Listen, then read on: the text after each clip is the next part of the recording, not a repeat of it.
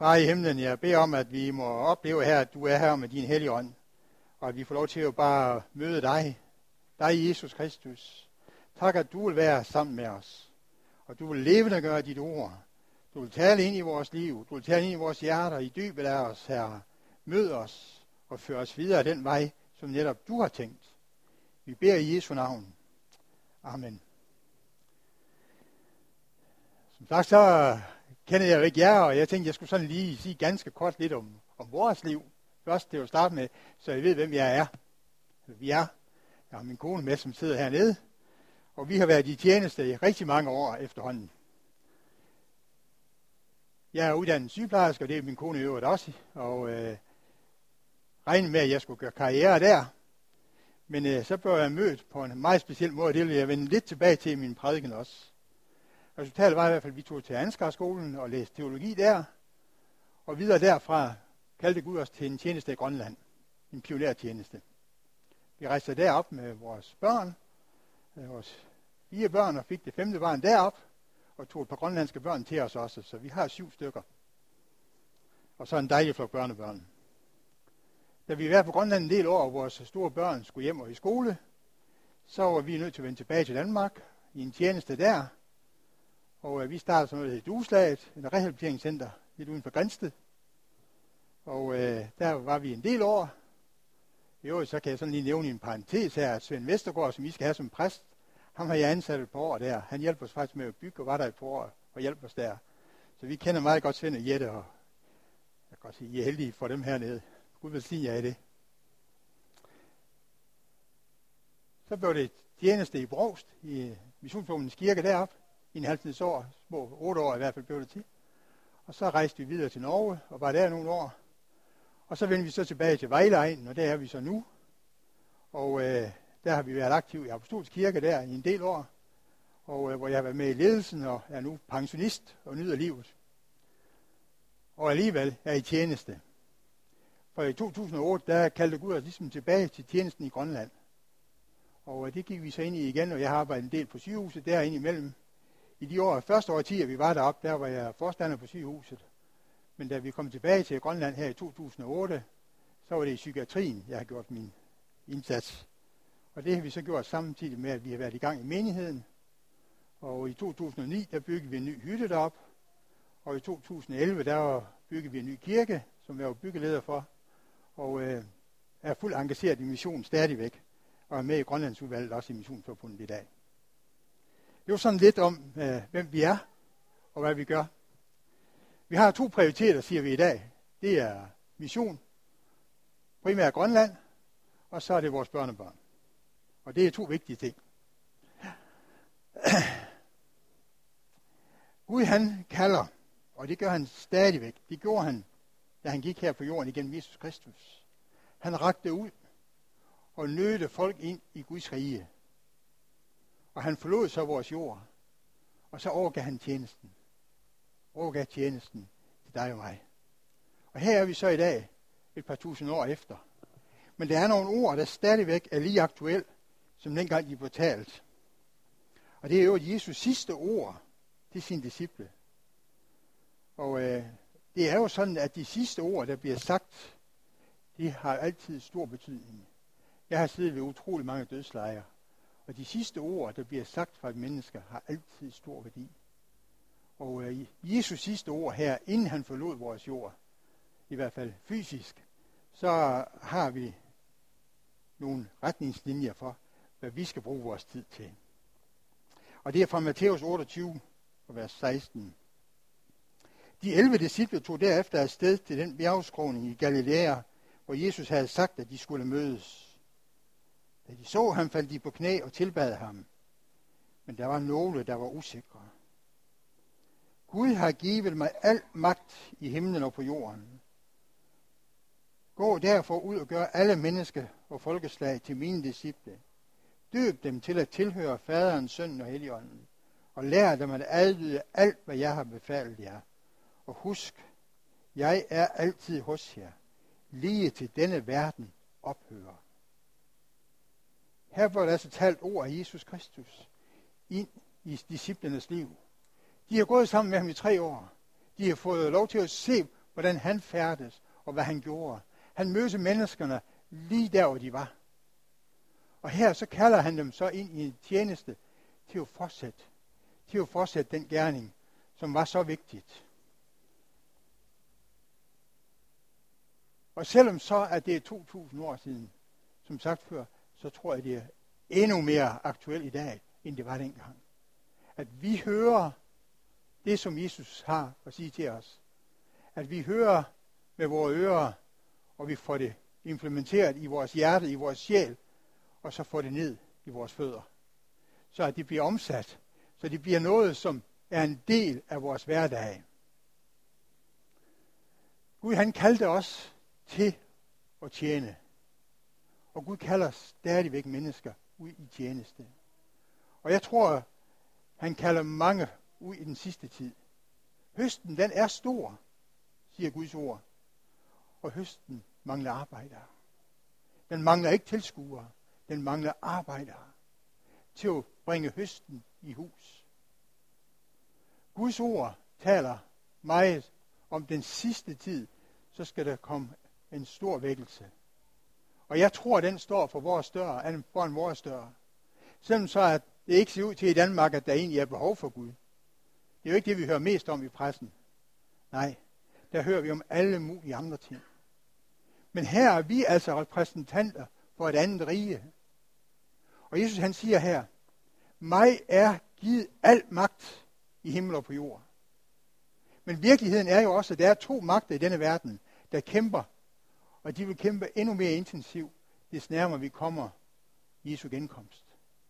Jeg tror, vi vil få lov til som menighed at opleve en endnu større kamp. Og hvor er det så vigtigt, at du og jeg hører det kald, som ligger ind over vores liv. Både som enkeltperson, men også som menighed. At vi hører kaldet, og at vi går ud på det. Gud han kalder nye medarbejdere. Han har kaldt os ind i en tjeneste. Og som jeg nævnte før, så kom vi til et sted i vores liv, hvor vi måtte bryde op med nogle ting. Jeg har taget min sygeplejereuddannelse i Holbæk, og vi var øh, klar til at gå ind i tjeneste på forskellige vis. Sådan, vi vendte tilbage til Grænsted, som vores, vores hjemmeegn, og øh, jeg gik ind i menighedsrådet der og var aktiv i menigheden. Men så en aften, så mødte Herren mig på en meget, meget stærk og speciel måde, hvor han spurgte, hvad vil du bruge Jesus til i dit liv? Jamen, jeg er jo i tjeneste, jeg har mit arbejde, jeg er afdelingsleder på plejehjemmet, og jeg, ja, vi har det hele, som vi skal have. Sådan da. Det var ikke det, jeg spurgte om, siger Jesus. Hvad vil du med mig i dit liv? Og så må jeg gå til bekendelse og sige, han havde ikke min højeste prioritet. Han kaldte mig ind i en tjeneste. Og det eneste, jeg kunne sige, var, ja herre, jeg vil tjene dig. Jeg vil følge dig. Jeg vil gå af de veje, som du lægger til rette for mig. Og det betød en total omvæltning i vores liv. En total omvæltning på den måde, vi måtte forlade vores hjem, vi solgte vores hus, og vi sagde vores arbejde op, og vi rejste til Oslo for at læse teologi. For Herren sagde videre til mig, som du er uddannet for at blive sygeplejerske, så må du tage en uddannelse i mit rige, så du kan gøre dig klar til en tjeneste. Og det kunne jeg fortælle en masse om her i formiddag, hvordan Gud han lavede tingene til rette. Men det var ikke uden kamp. Det var besværlige veje. Vi tænkte, at vi skulle afsted. Nå, jamen altså, den økonomiske side, det skal nok gå. Fordi vi har solgt et hus i Holbæk, og vi har købt et billigere hus i Grænsted, og vi havde masser af penge stående på pandebrev, så de kunne jo godt forandre os. Det var dengang, man havde privat pandebrev liggende. Men dagen, eller et par dage før vi skulle afsted, så meddelte advokaten, jeres hus i Holbæk, den er gået på tvangsstation. Den er misligeholdt. Pengene er tabt. Nå. Så var der kun et tilbage. Jamen er det fordi, vi skal blive hjemme, eller hvad? Nej, for Jesus Kristus havde kaldt. Og så måtte penge være penge, og så måtte vi også tro Herren for, at han ville tage hånd om vores liv. Og i de år, vi var der, der sørgede han for os. Såvel på den omsorgsmæssige måde, men så sandelig også på den økonomiske måde. Gud havde hånd om tjenesten. Gud havde hånd om kaldet. Og når han siger, han kalder os i tjeneste, og han er med os alle dage, så virker det altså, og så holder det. Det er ikke en teori, vi her bare kan læse om og sige, det er noget, som Jesus har sagt en gang. Det gælder i 2012. Det gælder nu. Og det gælder ind i den evighed, vi har foran os. Han er med alle, alle dage. Det er jo brydet op. Det tror jeg ikke, vi alle sammen skal. Men jeg er sikker på, at hver eneste en her ind i formiddag er kaldet af Herren. Er kaldet ind i en tjeneste i en eller anden form. Og Guds kald er så vigtigt, at vi får styr på. Hvad er det, at jeg, hvad er det netop, at jeg skal? Hvad er det, Gud han har kaldet mig til? At vi får fokus rettet ind på vores eget liv, der bliver sat i perspektiv til Jesu Kristi kald ind over livet. Og jeg skal sige det her i form af, at den hellige ånd, han ønsker at få fuld råderum over livet. At du ikke kommer og siger, jamen altså, hvis det er på plads, og hvis det er på plads, og hvis det er på pas, og hvis det ellers kan passe ind i alle de andre ting, som jeg har så travlt med. Nej, Herren han vender det rundt og siger, jeg ønsker, at du skal sige ubetinget ja. Et ubetinget ja til det kald. Det er ikke sikkert, at du har klarhed over det nu, men det, at du tør tage de første skridt med at gå. Vi har ikke klarhed over, hvor vi skulle, da vi rejste til Norge i sin tid. Vi vidste ikke, at vi skulle til Grønland. Men under forberedelserne, under studierne, så blev det klart for os, at det blev en tjeneste der, Herren han lagt til rette for os. Og så er det så også sådan, at når Gud han kalder, så lægger han tingene til rette skridt for skridt. Nogle gange, så forstår vi måske ikke, hvor vi helt skal hen. Men det er ikke det, der er så afgørende. Det afgørende er, at vi begynder at træde ud i det kald, som Herren han giver. Og nogle gange, ja, jeg tror faktisk altid, så bliver der nogle skridt i tro. Nogle skridt i tro. Og så vil du erfare, at det bærer.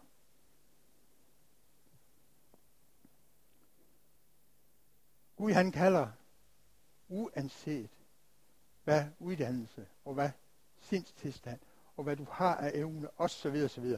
Så kalder han generelt. Han tager ikke hensyn til det. Han tager hensyn til, hvad du er og hvem du er. Og hvad det netop han har tænkt. Og derfor er det så vigtigt, at du får drejet ind, at Helligånden får lov til at sætte fokus på dig og sige, jamen hvad er det, du har tænkt Gud med mit liv? Og så kan vi godt komme med en masse undskyldninger. Jamen, jeg kan ikke, og jeg er ikke, og så videre, så videre. Og når vi ser Guds ord, dem, der blev kaldet til at være disciple, til, der fik denne opgave, som vi netop har læst her, om at gå ud i alverden. Det var ikke nogen fuldkommende mennesker. Det var ikke nogen, der kunne det hele. Det var ikke nogen, der havde styr på alting. Det var ganske almindelige mennesker. Og når vi bladrer i vores bibel og finder ud af, at dem, som han kaldte, det var ofte de små. Dem, der havde det svært. Måske ikke var så vel udrustet. Måske ikke havde en masse i sig selv. David, der var Israels konge, var den mindste af flokken. Moses, der var kaldt, kunne ikke tale. Han stammede. Men hvad betød det? Han var kaldet til at føre Israels folk ud. Og hvad skete der videre? Han satte en arven ved hans side, som kunne tale for ham over for den mægtige konge Farve. Gud havde styr på, da han kaldte Moses, at han skulle være folkets fører. Uanset evne, udrustning osv. Og sådan er det så dejligt at være i tjeneste Herren. Han sætter dem ved siden af os, som vi netop har brug for. Der, hvor du måske ikke slår til, der, hvor jeg ikke slår til, der sætter han nogen ved siden af. Der kalder han nogen ind i et fællesskab, som har evnen og udrustningen til at gøre det, som du måske ikke kan. Men det væsentligste og det vigtigste er jo, at du tør gå. Men vi skal ind have fat i, hvad skal der til, for at jeg kan gå? For at jeg tør gå? Her skal vi ind have fat i vores sjæl. Jeg tror, vi alle sammen ved, at vi består af et læme, og vi har en sjæl, og vi har en ånd. Og ånden domineres af den hellige ånd, og får lov til at tage bolig i os, og styre vores ånds liv. Men så har vi vores sjæl. Og her ligger vores viljesliv. Og her er det så vigtigt, at den hellige ånd ikke bare får lov til at eje din ånd, og være en del af det åndelige liv, når vi er i kirke, og når vi taler om Gud, og når vi er sammen om alle de her ting. Men at den hellige ånd også får lov til at præge din sjæl, dit viljesliv, din psyke. Fordi det er jo i virkeligheden her, det er her, der skal noget til, for at du kan sige ja til kaldet. Du skal have din sjæl med i det. Du skal have din sjæl omvendt. Din ånd bliver omvendt i det øjeblik, at du siger ja til Jesus. Der gælder hans frelse på Golgata.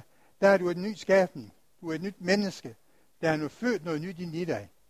Men så kommer hele processen, for at kaldet kan virkeliggøres. Det er, at din sjæl, din sjæl bliver forvandlet. Helliggørelsesprocessen. Og så videre. Men det begynder med viljeslivet. Jeg må bøje min vilje ind under Herrens vilje. Og det er måske det, der er allersværest for os som mennesker og bøje viljen under Herrens vilje.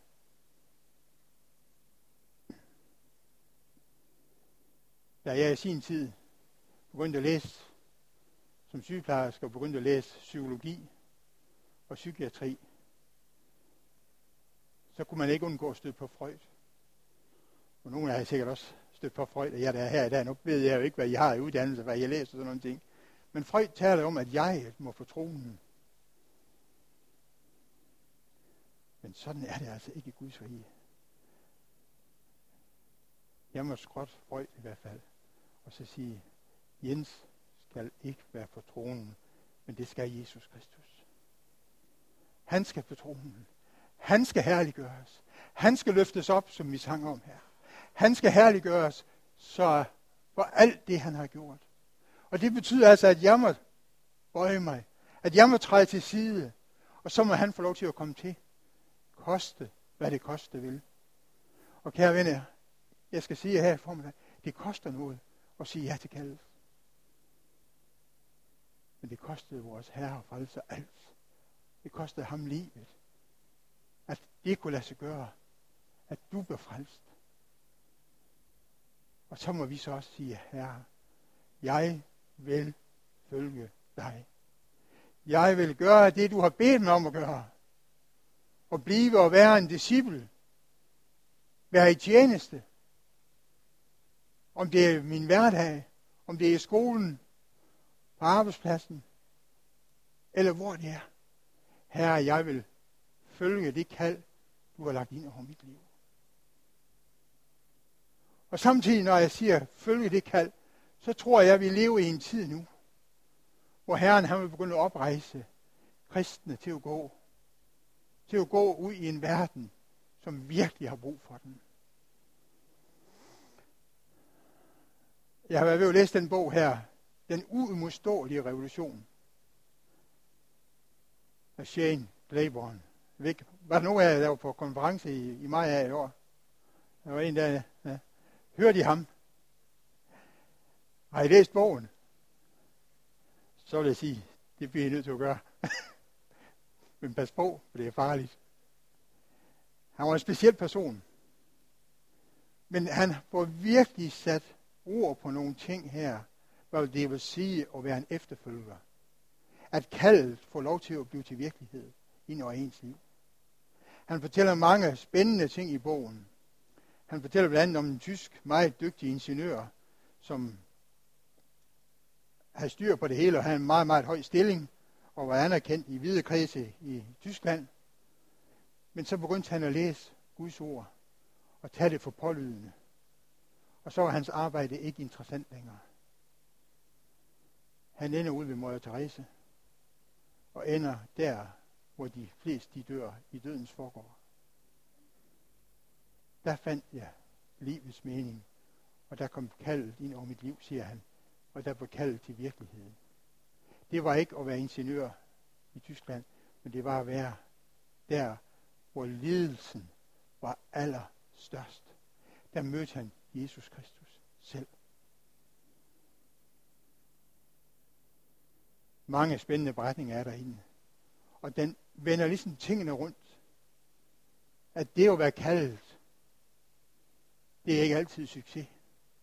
Men det at være kaldet, det er altid at være der, hvor Gud har sat mig.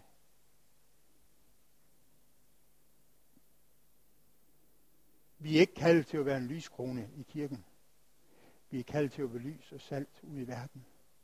Vi er ikke kaldet til at være salt i en saltbøs, der ikke virker, eller der bare står på bordet. Saltet skal ud, og lyset skal ud.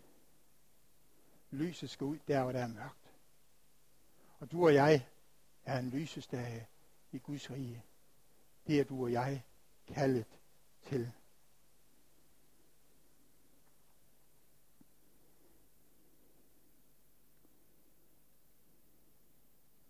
Jesus han siger nogle meget alvorlige ord i Lukas 6, 46. Hvorfor kalder I mig herre og mester, når I ikke gør, hvad jeg siger? Hvorfor kalder I mig herre og mester, når I ikke gør, hvad jeg siger? Herren han venter af dig og mig, at vi vil gøre det, han beder os om at gøre.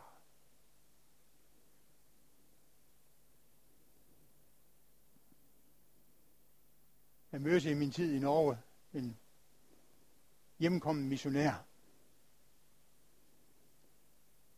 Han var rejst ud til Kina. Han havde mistet sin kone. Han havde mistet sine børn. Kommer hjem. Sætter sig ned i bagerste hjørne i kirken. Som en nedslået og nedtrykt, dybt deprimeret mand og forstod ikke nogen ting. Og i sit hjerte var han egentlig bitter på Gud. Hvorfor svigtede du mig?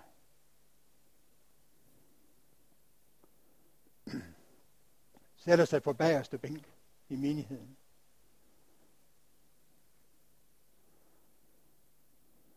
Der er sang, og der er prædiken, og der bliver indkaldt til menighedsmøde. Der blev diskuteret, hvad man skulle have af nye lamper. Og der var mange ting, der var på dagsordenen. Og så blev der spurgt til eventuelt, som der er almindeligt i et menighedsmøde, er der nogen, der har noget at sige? Så rejste han sig fra bagerste plads. Ingen havde kunne genkende ham. Jeg rejste ud for den her menighed, sagde han. Og I lovet at bede for mig.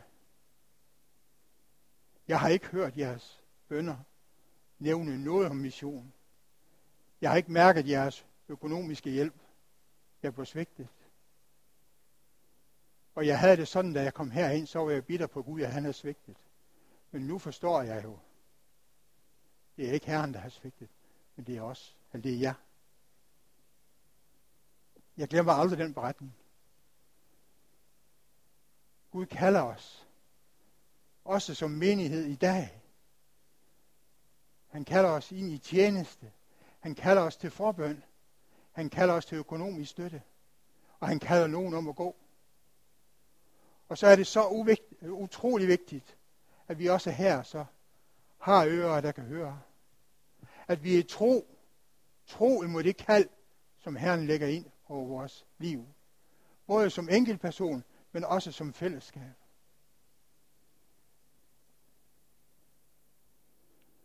Gud kalder. En aften var jeg til møde i Bethlehem en stor menighed i Oslo med et par tusind medlemmer af Missionsforbundets menighed der. Hvor Christian Wittsten, en gammel kinemissionær, skulle fejre sin 80-års fødselsdag. Og det var sådan en kombination af gudstjeneste og 80-års fødselsdag. Og han har været i tjeneste i Kina i mange år. Var jo blevet smidt ud, og så rejst ind igen, og smidt ud og rejst ind igen. Ham kunne man ikke sådan blive fri for, fordi han havde et kald. Og han sagde, herren har kaldet mig, og så går jeg. Og så får de smidt mig ud lige så tit det skal være. For han er kaldt mig til at tjene Herren i Kina. Men han sagde noget den aften, som jeg stadigvæk har printet ind i mit hjerte, i min hjerne, men mest i mit hjerte. Kære unge mennesker, sagde han, det var jeg dengang. Invester i Guds rige. Invester i Guds rige. Det er det eneste sted, der giver 100 folk 10.000 procent.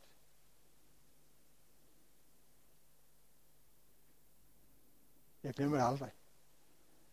Da aftenen var færdig, så var der lovsang, og vi skiltes. Og den gamle kristen Visten, der var blevet 80 år og blevet fejret, han gik hjem og lagde sig i sin seng og lukkede sine øjne og på tage hjem til Herren. Det var hans afslutning. Men det med at investere i Guds rige, dengang, der var der rundt egnet et sted mellem 3 og 5 millioner kristne i Kina. Nu er vi altså tilbage i 70'erne. Ved hvor mange der er i dag? 50 millioner. Cirka. Man har ingen tal på det, der er måske mange flere. Og i løbet af 30 år, siger man, hvis den vækkelse, der er nu, fortsætter, så er hver tredje kineser en kristen. Kære unge mennesker, investere i Guds rige, sagde han. Han havde syn for det himmelske kald.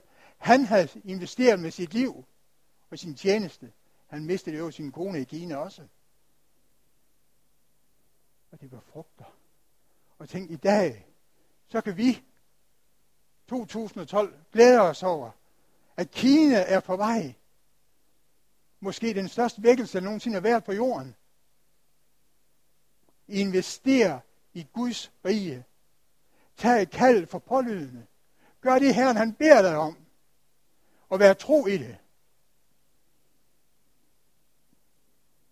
Det kan godt være, at det ikke ser så lovende og så lyst ud.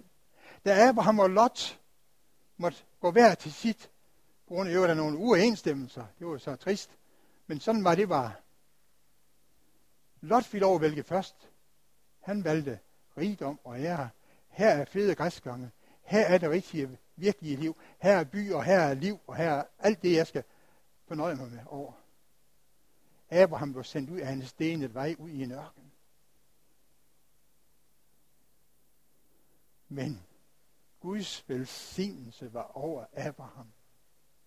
Og derfor fik hans for flere lam en lotskjord, og så videre, og så videre. Derfor var der græsgange nok til alligevel at føre Abraham videre. Og han blev igen belønnet, fordi han var tro imod den kald, som Herren har lagt ind over hans liv.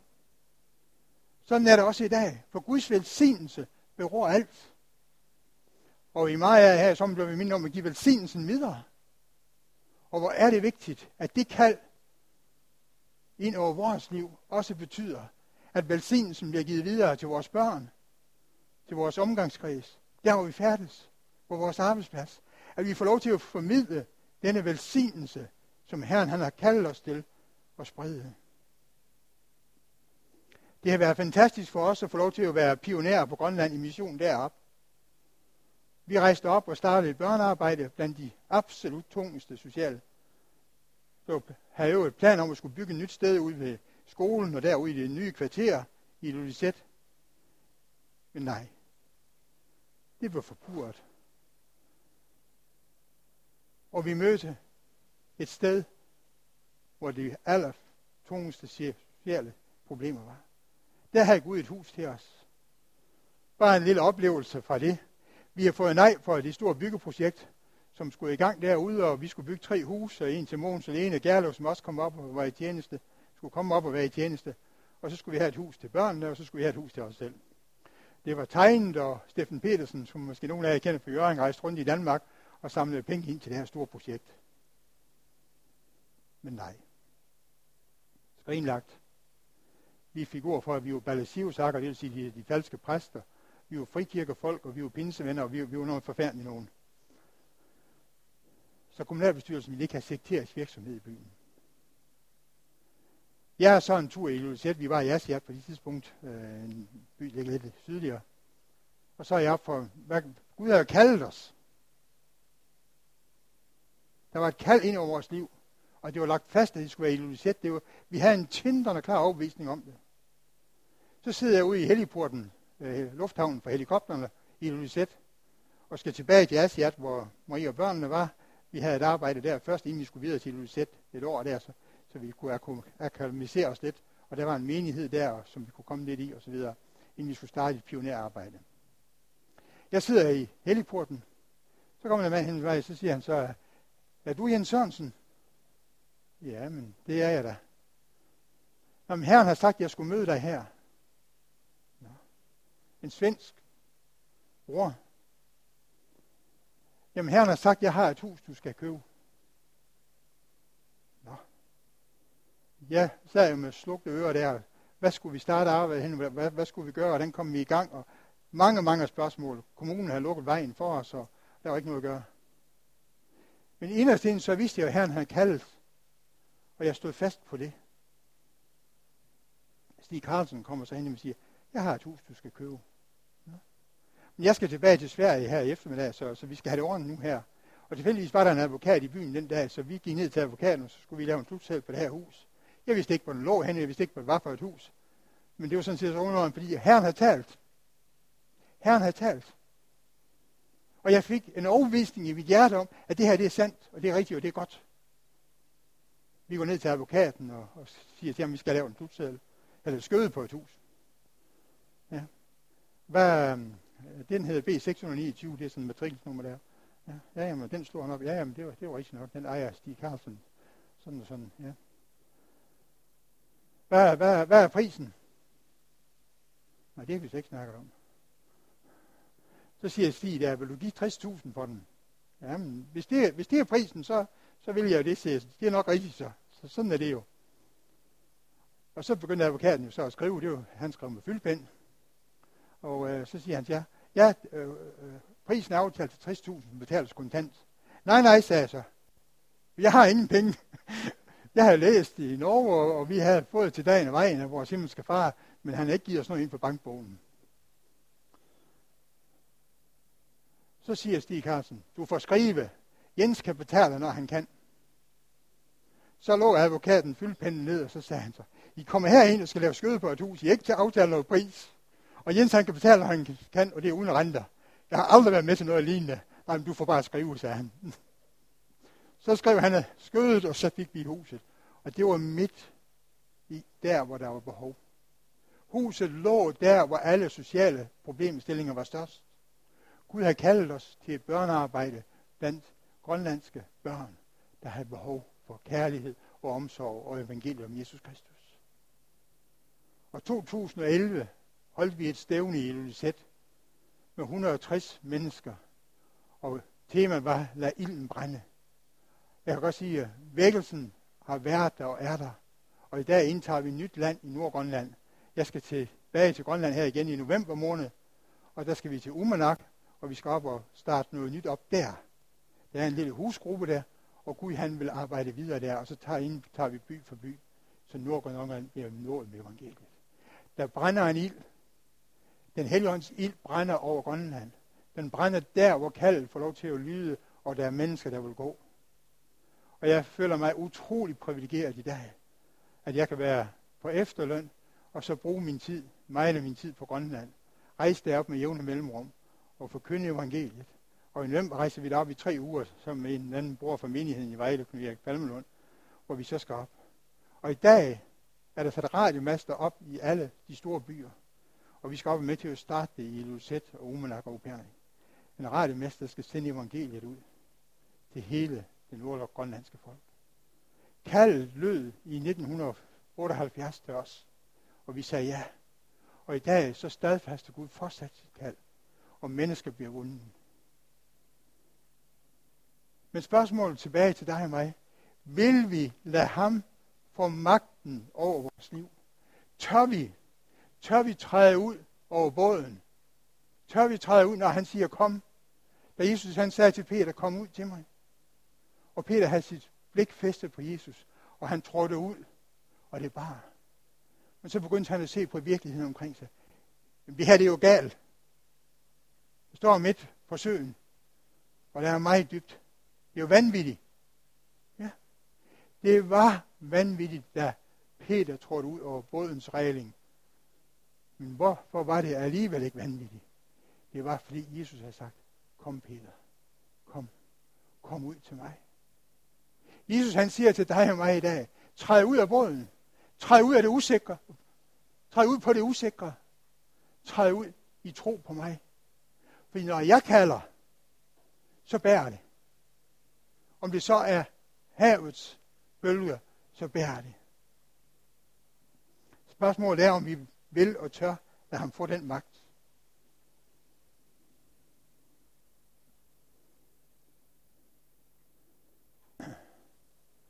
Frank Mangs, en svensk evangelist, som levede for en del år siden. Måske en dem, der har været redskab til de fleste menneskers frelse i Norge, Sverige og Finland, og har også været i Danmark for på turné tilbage i 30'erne. Har været redskab til utrolig mange menneskers frelse. Når han kom til en ny by og begyndte at bede for byen, så kom folk i søndenød. Ja, de begyndte at bede om at blive frelst, inden der overhovedet var prædiket Guds ord. Så stærk en åndskraft var der over hans tjeneste. Og mange sad så som 80-årige på en bænk uden for Stockholm. Og var træt. Han havde tjent Herren et helt liv. Så kommer den hellige hånd til ham, siger Frank Magnus. Der er indefrossen kapital i dit liv. Jeg mødte ham, mens jeg gik på Ansgarskolen, som en gammel trosforkynder. Der var han 86 år gammel. Men seks år forinden havde Herren sagt til ham, der er indefrossen kapital i dit liv. Og han havde måske, som jeg nævnte før, været den, der har været redskab til de fleste menneskers frelse i Skandinavien. Og så tænkte jeg som helt ung dengang, tænk, hvordan kunne Gud alligevel sige, der er indefrossen kapital i dit liv. Han havde lagt tjenesten ned. Nu var han en gammel mand, synes han, han var træt. Men da Herren han kaldte ham igen, tilbage til virkeligheden, tilbage til kaldet, tilbage til det, han har udrustet ham til, så gik han igen aktiv tjeneste, og endnu flere mennesker blev frelst. Og vi mødte ham som en flok unge mennesker der. Bare det at være i klasselokalet, hvor han kom ind, der var en åndsformidling, som ikke kan forklares. Og han fortalte om det kald, Herren havde lagt ned i hans hjerte. Og om, at det kald kan vi aldrig, aldrig nogensinde undslå os. Gud kaldte ham tilbage til tjenesten. Gud kalder dig og mig ind i tjenesten. Og han beder os om at fuldføre det, som Jesus Kristus har lagt grunden til. Hvorfor? Og det er altså at nå den verden, der er omkring os. Og det værer sig, om det er i Haderslev, eller det er i Ghana, eller det er på Grønland, eller Thailand, eller hvor vi bevæger os hen i missionstjeneste. Så har Herren altså bedt dig og mig om at være med. Være med i forbønden. Være med i offeret. Og nogen må også gå. Og jeg tror, vi får en tid i vores menigheder i Danmark, hvor mange flere må ind i en aktiv tjeneste. Og måske på deltid, for at kunne være fuldtids i Guds rige. Så at tingene kan hænge sammen stadigvæk, både med vores hjem og vores børn osv. Jeg ser, at I har mange små børn her, og det er så vigtigt, at vi har taget hånd om det. Det er utrolig vigtigt. Det er der fremtiden er jo. Men samtidig er Guds rige også vigtigt. Og så får de her ting til at blive helheder. Og her har vi virkelig brug for den hellige ånds hjælp, så tingene kommer i rette relief.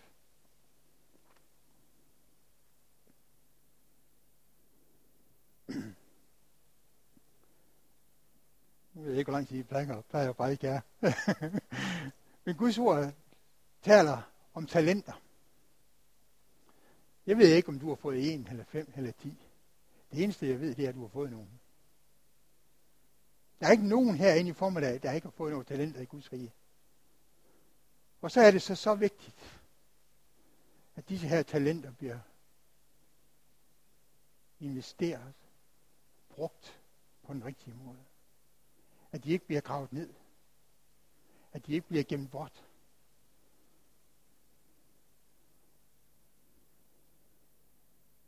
En gang imellem, så kan jeg godt blive lidt mismodig, når jeg tænker på, hvor mange talenter i Guds menigheder rundt omkring, der er gravet ned eller gemt bort. Som ikke er i aktion, som ikke er virksomme, som bare er der, uden og fordoble sig, eller tredoble sig, eller hundrede folk, eller hvad nu det er.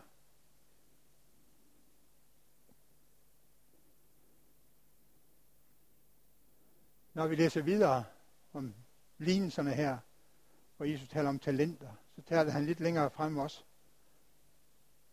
om, at nogen havde undskyldninger for ikke at være med. Jeg har lige købt en mark. Jeg har lige giftet mig. Jeg har lige gjort det, og jeg har lige gjort det. Og derfor har jeg ikke lyst til at være med i dit rige.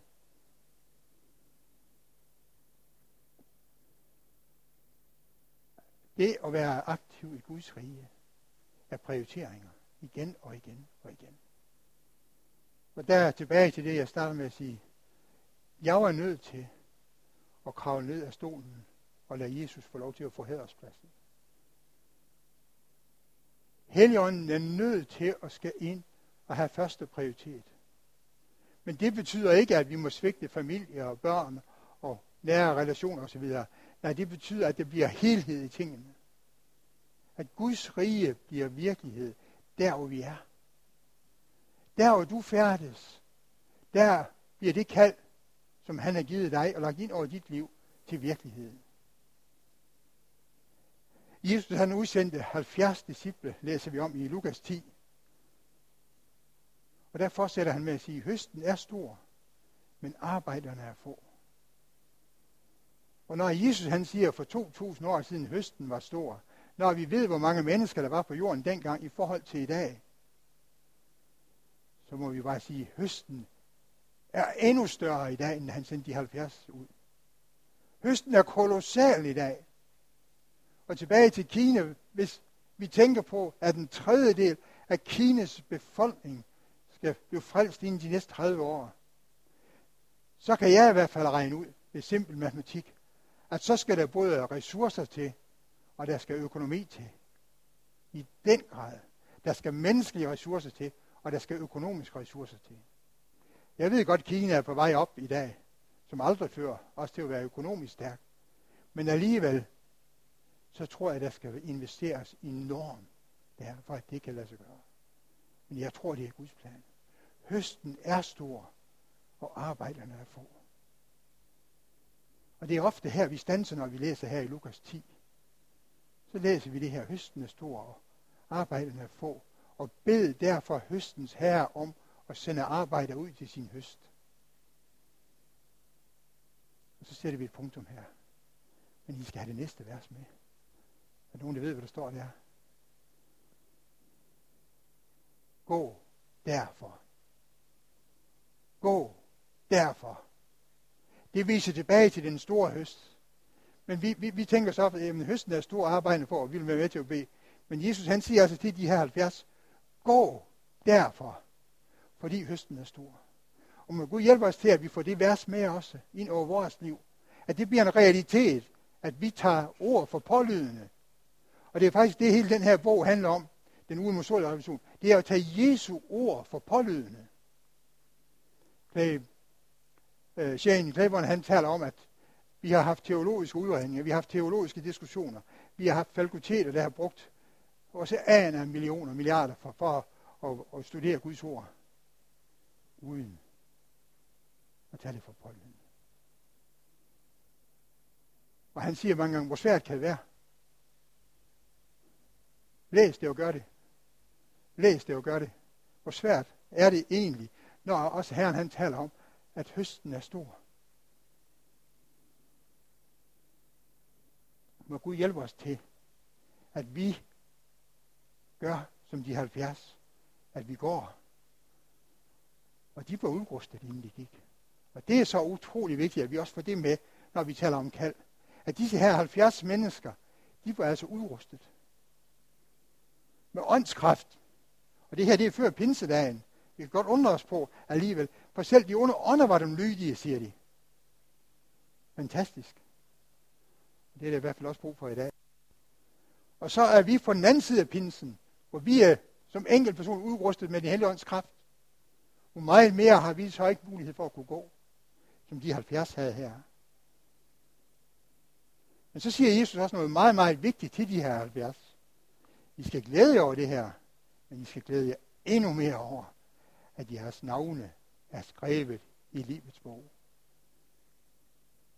Og hvor vil jeg gerne være med til, at mange flere navne må blive skrevet i livets bog. Så den dag, vi står derhjemme, og jeg tror ikke, det var så længe, så skal vi få lov til at lovprise ham. Lammets, det slagtede lam, som døde for min skyld for verdens skyld. Kære venner, og for verdens skyld. Det er ikke nok, at jeg når det. Vi må have mange, mange, mange flere med.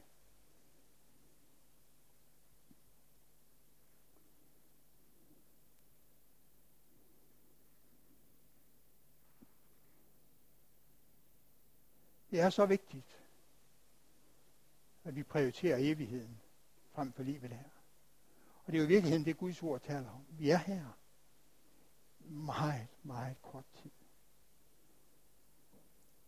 Og der kan være så mange ting, som vi ikke forstår. Vi forstår heller ikke sådan et lille barn tages hjem til Herren nu her. Bare nogle få dage gammel. Men det er egentlig ikke afgørende, hvad du og jeg forstår. Det afgørende er, om vi er lydige mod det kald, som han lægger ind over vores liv. Og så står der altså stadigvæk til troende, som vi læste her i Matthæus 28. Og jeg er med jer alle dage. Han er der på de mørke dage. Han er der på de dage, hvor vi kan række hænderne højt op og råbe halleluja. Men han er der også, når livet er svært. Og Kristus døde på korset for din og min skyld.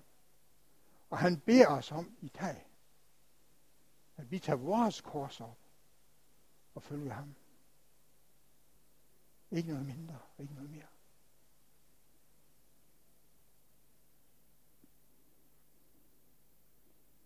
Min bøn er, og det skal vi slutte med, at den dag, jeg står hjemme hos Herren, så vil han sige, vel, du gode og tro tjener.